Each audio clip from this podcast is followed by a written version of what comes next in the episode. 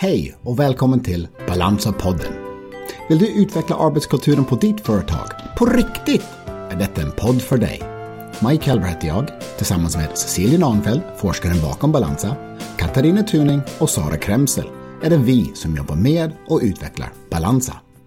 I denna podd kommer vi prata om arbetskultur, företag, arbetsplatsen och människor på jobbet. Vi utgår från Cecilias forskning och annan forskning på området. Varmt välkomna till Balansa-podden. Hej och välkommen till Uppsala och Balansa podd nummer sju. Mike Hellberg heter jag. Sitter här tillsammans med Cecilia Nahnfeldt. Cecilia har ju forskat och uh, ligger bakom Balansa. Och Katarina Tuning är här i Uppsala också. Första gången vi har varit tre personer som ska podda tillsammans. Välkomna ni två. Tackar. Tack så mycket. Hur känns det att vara i Uppsala nu Cecilia? Vi är i din hemstad. Ja, men det är alltid skönt att vara hemma. Känns det som att du är hemma i Uppsala? Ja, delvis ändå. Karlstad har ju en plats i hjärtat och så, men eh, Uppsala också. Jag tycker jag hör ju väldigt ofta värmländska från din röst då, eller, mm. eller dialekten. Mm. Så är det. Katarina, du som säger du kommer från Skåne kanske eller inte? Ja, väldigt mycket Skåne. Men du är ju Linköpingsbo, det måste du förstå. Ja, nej men alltså jag är ju skåning som bor i Linköping sedan 30 år tillbaka. Så du är inte Linköpingsbo? Jag är Linköpingsbo, men jag är skåning. Ja, ja, okej. Okay. Och jag är amerikan, så vilken, vilken blandning har vi här? Um, vi ska podda om Balansa. Balansa är ju en någonting du har forskat fram Cecilia. Och idag ska vi gräva djupt i din forskning för vi tycker det är så intressant att få höra varför du gjort vissa saker. Och vi jobbar för en arbetskulturförändring, det är ju det vi jobbar med inom Balansa. Men din forskning, du började 2006. Mm, kan du berätta lite bakgrund? Ja, bakgrunden handlar om att vi hade ganska många forskningsprojekt, eller ett helt program om just skärningen mellan arbetsliv och övrigt liv. Och i det så tog vi fram ett projekt som handlade om arbetskultur och arbetsplatsernas roll vad gäller att få en balans mellan arbete och övrigt liv. Och att ta det perspektivet, att det fanns ett delansvar på arbetsplatser också för att individen klarar inte att lösa allt. Ja, så där började det forskningsprojektet som, som var startpunkten. Med fem arbetsplatser eh, och vi tog fram en hel del material och utbildningar och så försökte vi pröva olika modeller första året. Katarina, du brukar alltid prata om att du tycker så bra att balansa är förankrad i forskning. Kan du utveckla det? Nej men det tycker jag är oerhört. Det handlar ju också om trovärdighet. Att det vi pratar om och när vi jobbar med balansa workshop med olika medarbetargrupper så känns det liksom handlar om en trovärdighetsfråga. Att det är beprövat. Det är inte bara något hittepå. Utan det är beprövat och som du säger. Alltså det är ju flera företag som har varit involverade i hela din forskning. Mm. För det, för det, är lite roligt det här att i forskningen så tycker man att det är så förtroendeingivande att, att företag och arbetsplatser funnits med från början. Och samtidigt tänker, så säger du att ja, så är det förtroendeingivande det här att det finns forskning med. Alltså, så just den här dubbla delen i att, att, utveckla tillsammans, det har ju alltid funnits med i Balansa-modellen. Absolut, men det är ju också det här, det blir ju ett ansvarstagande från vår sida när vi träffar ett antal arbetsplatser med människor och ledchefer som sätter av tid för mm. detta. Då vill vi ju också jobba med någonting som vi vet mm. fungerar. Mm. Och det tycker jag är A och O. Det handlar om trovärdighet och respekt för de som är med. Och forskning ska vi prata om faktiskt mm. idag. Du har ju lagt ner um, väldigt många olika delar och fokusområden men ett specifikt område om medarbetare samtal. Kan ja. du beskriva detta?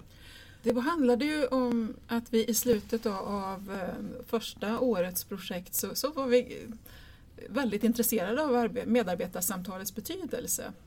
Dels därför att medarbetarsamtal har en eh, särskild roll i skandinaviska länderna. Det skiljer sig åt från, från europeiska former för medarbetarsamtal som är mycket mer utvärderande och nästan betygsättande i vissa delar av medarbetare. Medan eh, medarbetarsamtalet i de skandinaviska länderna, där handlar det om en dialog. En ömsesidig dialog mellan medarbetare och chef som är, när det är som bäst, ett ganska förtroendefullt samtal. Så det har ett annat syfte egentligen än det här betygssättande samtalet som finns i, i brittisk, brittiska sammanhang till exempel. Kan man jämföra olika samtal från olika länder och, och hur man är uppbyggd? Ja. Har ni gjort det? Ja, och vi har inte gjort det men det finns den typen av forskning väldigt mycket och, och, just det är där man har sett att det är så stora skillnader på förväntningarna av vad medarbetarsamtalet ska ge. Och vi hade ju då en förväntan på att medarbetarsamtalet skulle vara en viktig plats för samtalet om balansen, balanseringen mellan, mellan arbetsuppgifter och ansvar hem och, och i övrigt liv och fritidssektor och så vidare. Att, ja, men medarbetarsamtalet mellan chef och anställd det skulle kunna vara en viktig, viktig plats, att kunna lyfta in bra frågor och för chefen en chans att kunna både lära känna medarbetaren och, och, och få en insikt i deras uh, hemmamiljö och, och, olika utmaningar som ja, man har. Precis så.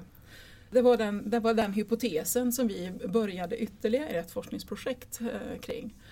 Och det vi gjorde då det var att eh, med hjälp av ett av företagen som vi jobbade med som hade gjort, haft en hel del utbildningar kring balans i livet, väldigt positivt inställd, både ledning och styrelse och chefer så gick vi in och videofilmade verkliga eh, medarbetarsamtal. Och vi etikprövat och alltihopa, för det är ju ganska känsligt material hur man hanterar det. Men vi fick eh, ett fantastiskt fint material med hjälp av det här företaget då. Och där vi tänkte att det här är bästa möjliga förutsättningar. Och när vi börjar analysera det, och då är vi flera forskare in och analyserar samtalet, dels en samtalsforskare, så vi behövde ha en sociolog, en arbetsvetare, och jag som livsåskådningsforskare och etiker. Och med flera perspektiv vände vi och vred på det här och så ser vi att vår hypotes funkar inte alls. Den var helt fel. Varför då? Därför att det som hände i de här samtalen med bästa intentioner är att både chefen och medarbetaren bagatelliserar och, och, beskriver det här problemet, som, skavet mellan arbete och resten av livet. Ja, men det, det är bara tillfälligt, eller vi löser det här. Och, ja, det är ju inte så farligt och det här brukar du ju kunna. Den typen av formuleringar finns med och så tar man, sätter man det åt sidan. Så att säga.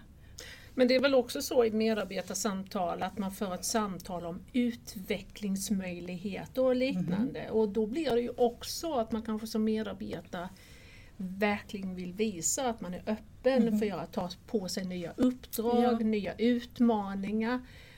Om man då berättar för mycket, ja, nu är det småbarnsperiod och det, min man har flyttat eller bytt jobb eller liknande så, så kanske man ja, minskar chanserna med att få de här nya utvecklingsuppdragen. Kan ja. det vara en anledning? Ja, vi, vi, vi, sa det när vi analyserade efteråt att vi tror att vi hade underskattat hur nära, vi tyckte att vi hade separerat verkligen tydligt från det lönesättande samtalet. Mm. Det ingick inte i det här sammanhanget. Och det skulle vara också i tid, i avstånd så långt från det lönesättande som är ett slags värderande samtal i vårat sammanhang. Så vi tänkte att ja, men här kan det ändå stå fritt, men vi tror att vi underskattade precis den här obalansen, asymmetriska balansen mellan chef och anställd. Men Medarbetaren är beroende av de möjligheter som chefen kan ge och det sätter stopp för det här, det här samtalet om de här lite svårare och lite känsligare sakerna. För det är ju inte så att det är antingen så är man eh, öppen för utveckling eller så har man problem. Alltså, utan, alltså, det här kan ju röra kring och det kanske är just när det är mycket rörigt hemma som man är extra engagerad i något på jobbet. Därför att man behöver det. Det är någonting där man känner att men här duger jag. Men i det här medarbetarsamtalet så det får inte plats för den typen av komplexitet av någon anledning. Utan det vi såg med bästa förutsättningar var att man, man bortförhandlade och bagatelliserade. Backar vi lite grann och pratar mm. om själva forskningsinsats. Mm. Flera olika forskare mm. sitter och tittar på en film ja. Mm. och ni analyserar de två olika personerna, chefen och medarbetare i det här samtalet. Och ni sedan diskuterar och prata med varandra om detta? Mm. Är det så, så det gick till? Det, som det gick till så, så filmade vi, vi satte upp en kamera vid det här eh, tillfället och forskaren fanns med i bakgrunden eller klev ut ur, ur rummet. Det var en forskare som fanns med då och filmade det här samtalet och först så märker man i filmerna att det, ja, man vet att det är en kamera men ganska snart försvinner det mellan de här två personerna som, som fortsätter sitt eh, medarbetarsamtal. De här filmerna sen de tar vi med till universitetet och där har vi suttit i seminarier och tittat på de här timmarna av film. För det, det är ju ganska många timmar det blir även om ett eh, medarbetarsamtal ska vara en timme, en och en halv. Så, så eh, det blir väldigt mycket man, man tittar på framlänges och baklänges. När man dessutom har en samtalsforskare med så är det i detalj hur överlappningar av Eh, samtal, alltså man pratar i munnen på varandra eller att det blir gap eller att man andas mitt i en mening och det har betydelse för hur man ska förstå både emotioner och andra saker som finns i rörelse. Så vi har haft en samtalsforskare med som verkligen kan det här med detaljer i hur ett samtal förs. Och sen kan vi andra gå in med andra aspekter utifrån den detaljanalysen av samtal också. Var ni överens? Ja men det var ju det att vi var, från alla perspektiven såg vi ungefär samma saker och samtalsforskaren kunde konstatera ja men här sker det en brytning och därför så blir det en bagatellisering. här, finns, här är man fortfarande lite öppen men där stänger det. Här kommer man in på det här området eh, och det är känsligare, det märks när tys, nu tystnar man talar lägre till och med. Eh, och så, så att... Kunde, alltså, märkte ni någon skillnad på om det var mer erfarna chefer eller det var olika, olika chefer med mm. olika vi, förmåga. Mm. Nu hade vi två chefer ja. som vi följde och de var i olika ålder. Det, det, det, det spelade ingen större roll faktiskt. Det, gjorde ingen skillnad. Det var ungefär samma sak vi såg. Och som forskare när man får en sån här ganska massivt bekräftelse på att hypotesen som vi har haft inte funkar Alltså det, det är hemskt tråkigt på ett sätt. Men som forskare så är det ju bland det bästa man kan få därför att det är ett väldigt säkert resultat. Det vill säga att nej, men medarbetarsamtalet är inte platsen för den här typen av samtal på arbetet. Vi måste leta efter någon annan plats inom, inom jobbet. Får jag backa lite? Ja. Vad hade hypotesen, vad skulle samtalet innehålla egentligen från ur, ursprungspunkten? Ja, vi hade lyft fram eh, tre frågor som skulle liksom ha, ha tagits upp. Är det någonting du känner att vi kan göra som arbetsgivare som skulle underlätta för dig? Den är ganska positivt formulerad. Att det skulle vara en ingång. Och att sen, finns det någonting som du känner att det här kan du ändra på? Och hur, hur ska vi se på det här? Eller är det saker som vi behöver se? Ja, men, men man kom nästan aldrig vidare ur de här två första frågorna utan det blev som att nej, men det var egentligen ingenting man behövde prata om. Nej, men det var egentligen någonting som hanterades. Och så lades det åt sidan. Och vi kallar det för en bagatellisering som sker. Förklara det, bagatellisering. Bagatellisering är att, att någonting som till synes ser ut att vara ett problem görs till, inte alls så stort, utan till en bagatell, någonting som ligger vid sidan. Det värderas inte som viktigt. Och så så det, det är en bagatelliseringsmekanism. Och det är inte chefen som bagatelliserar? Nej, utan, utan det sker tillsammans. Ja. Och en slags, eh, man är helt överens, man tycker själv att man har haft ett bra samtal som medarbetare för där har vi haft uppföljningsfrågor också. Och chefen tycker också att det har varit ett bra samtal. Och samtidigt, när vi pratade tillbaka och stämmer av det här tillbaka till eh, både chefer och medarbetare på den här arbetsplatsen, för det gjorde vi också, så känner de igen vad vi säger. Att Ja, nej men så gör vi ju. Man undrar varför vi gör så. Och så har de också spelat in att ja, nej, det är klart att det, det har ju ändå med utveckling och kompetensutveckling och lönesättning i någon mening, det har ju ändå med det att göra. Så att i samtalen när vi pratar tillbaka så, så de slutsatser som vi hade tentativt eh, stämmer ganska väl med de res responser som vi fått från de medarbetare och arbetsplatser vi har jobbat med. Om jag tänker tillbaka på mina 20 år som chef så har jag ju kanske haft ett hundratal, mer än det, medarbetarsamtal. Jag har också brottats med eh, ett antal olika mallar med förformulerade mm. frågor som mm. ska ställas för att kvalitetssäkra att man har medarbetarsamtal som håller en hög kvalitet. Mm. Och det som oftast kan hända det är att det inte blir den här dialogen utan man känner att bara vi hinner med alla frågorna. Mm. Mm. Och då kan jag prata både utifrån medarbetare mm. själv men också som chef att det kan vara lite stressande. Utan ett medarbetarsamtal borde egentligen heta medarbetardialog så mm. att man får den här dialogen som lite flyter mm. utifrån egentligen vad som är aktuellt att prata om. Mm. Och så har jag en fråga till som jag tyckte var intressant. För du nämnde den internationella jämförelsen med Sverige. Idag har vi fler och fler olika nationaliteter på våra arbetsplatser. Märker vi någon skillnad på hur det ser ut på de svenska arbetsplatserna med väldigt många nationaliteter? Alltså vanan om att prata om det övriga livet. Mm. Man kan väl säga så här att, att det finns en högre medvetenhet i nordiska sammanhang och om man har en nordisk kontextuell kulturell bakgrund oavsett var, vart ens föräldrar är födda. Men tro, alltså, det är någonting med skolan, tror jag, som gör att, att eh, då har man den här dialogtanken eh, med sig. Man har fört dialoger med lärare, man har fört dialoger med eh, chefer i många... Alltså man, man, har liksom skolats in i en sån dialogisk kultur. Och det är klart att är man inte det, utan kommer ur ett sammanhang i ett samhälle där det inte är dialogiskt och förhandlande på det sättet, då kan, då kan det göra skillnader. Å andra sidan, de flesta människor på individnivå anpassar sig mer eller mindre till det här oavsett vad man har för bakgrund också. Så det, det kan vara olika. Det som är en tydligare tendens det är att fler och fler arbetsplatser gör mer och mer strikta mallar. Mm. Det, att det är en effekt tror jag av att man vill ha en ökad kvalitet så litar man ännu mer på att mallen ska fungera med vissa frågor. Och vi var ju lite där och snurrade också med att lägga in en rätt typ av fråga. Men det funkar alltså inte alls för oss. Och det här med mallar och, och så, det, det behöver också sitta i kroppen, det som ska frågas. En, en chef behöver veta vad är det jag vill, behöver ta reda på i det här samtalet. Vad är samtalets syfte faktiskt? Men eh, också att man kommer överens med det med medarbetaren, den man ska prata med. Ja. Vad är det vi, ja. vi vill prata om? Ja.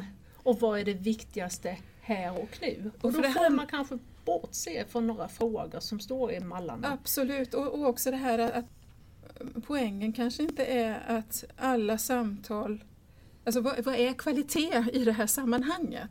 Är det att alla medarbetare har fått eh, chansen att få samma frågor att svara på och gå i dialog kring? Eller är kvalitet att rätt person har fått rätt fråga och rätt samtal? Och det är en ganska stor medarbetarsamtalsfråga. Som det är nu så, så arbetar de flesta arbetsplatser med mallar där alla får samma typ av frågor. Och det är någon slags kvalitet. Och det kan jag fundera mycket kring. Är det verkligen kvalitet? Du sa ju att i många fall tyckte både medarbetare och chefen att det var ett bra samtal. Mm. Det finns många bra mm. medarbetare samtal och många skickliga chefer. Så Absolut. det är inte det som ni på något sätt eh, har tagit fram. Det ni har tagit fram är ju att det inte är rätt plats för att prata om arbetsliv, övrigt liv och få Precis. en bra lösning med detta. Precis. Vi har ju inte fortsatt på forskningen på medarbetarsamtal utan vi, vi har tittat på hur medarbetarsamtalen fungerat just för balans i livet-frågor. Och det, där har vi då konstaterat att nej, det är inte en bra plats. Utan vi har ju vänt oss då till det som kallas för APT eller vad det är, som mer gruppsamtal, gruppmöten, enhetsmöten, eh, arbetsplatssamtal i olika bemärkelser. Det, där har vi fått att fungera mycket, mycket bättre. Det blev ju nästan en start till själva balansa sättet att jobba ja. och som du kom fram till att det är inte medarbetare samtal, vi måste hitta en annan plattform ja. eller en annan plats för att kunna göra detta. Precis, precis så. Och då kan man ju fråga sig arbetsplatsträffar, om det var ett ja. alternativ. Mm. Det är också ett fenomen som är ganska komplext. För mm. vilka är det som tar sig rätten att prata? Mm. Vilka känner sig tillräckligt trygga för mm. att föra en dialog både tillsammans och med chefen? Och alla frågor kanske man inte tycker är relevanta att ta upp på en APT-möte. Nej. Och det är därför som själva balansamodellen eh, för de här samtalen i arbetsgruppen, den är semistrukturerad kallas det. Man har bestämt ämne och ungefär form för samtalet men inte vad var och en ska säga.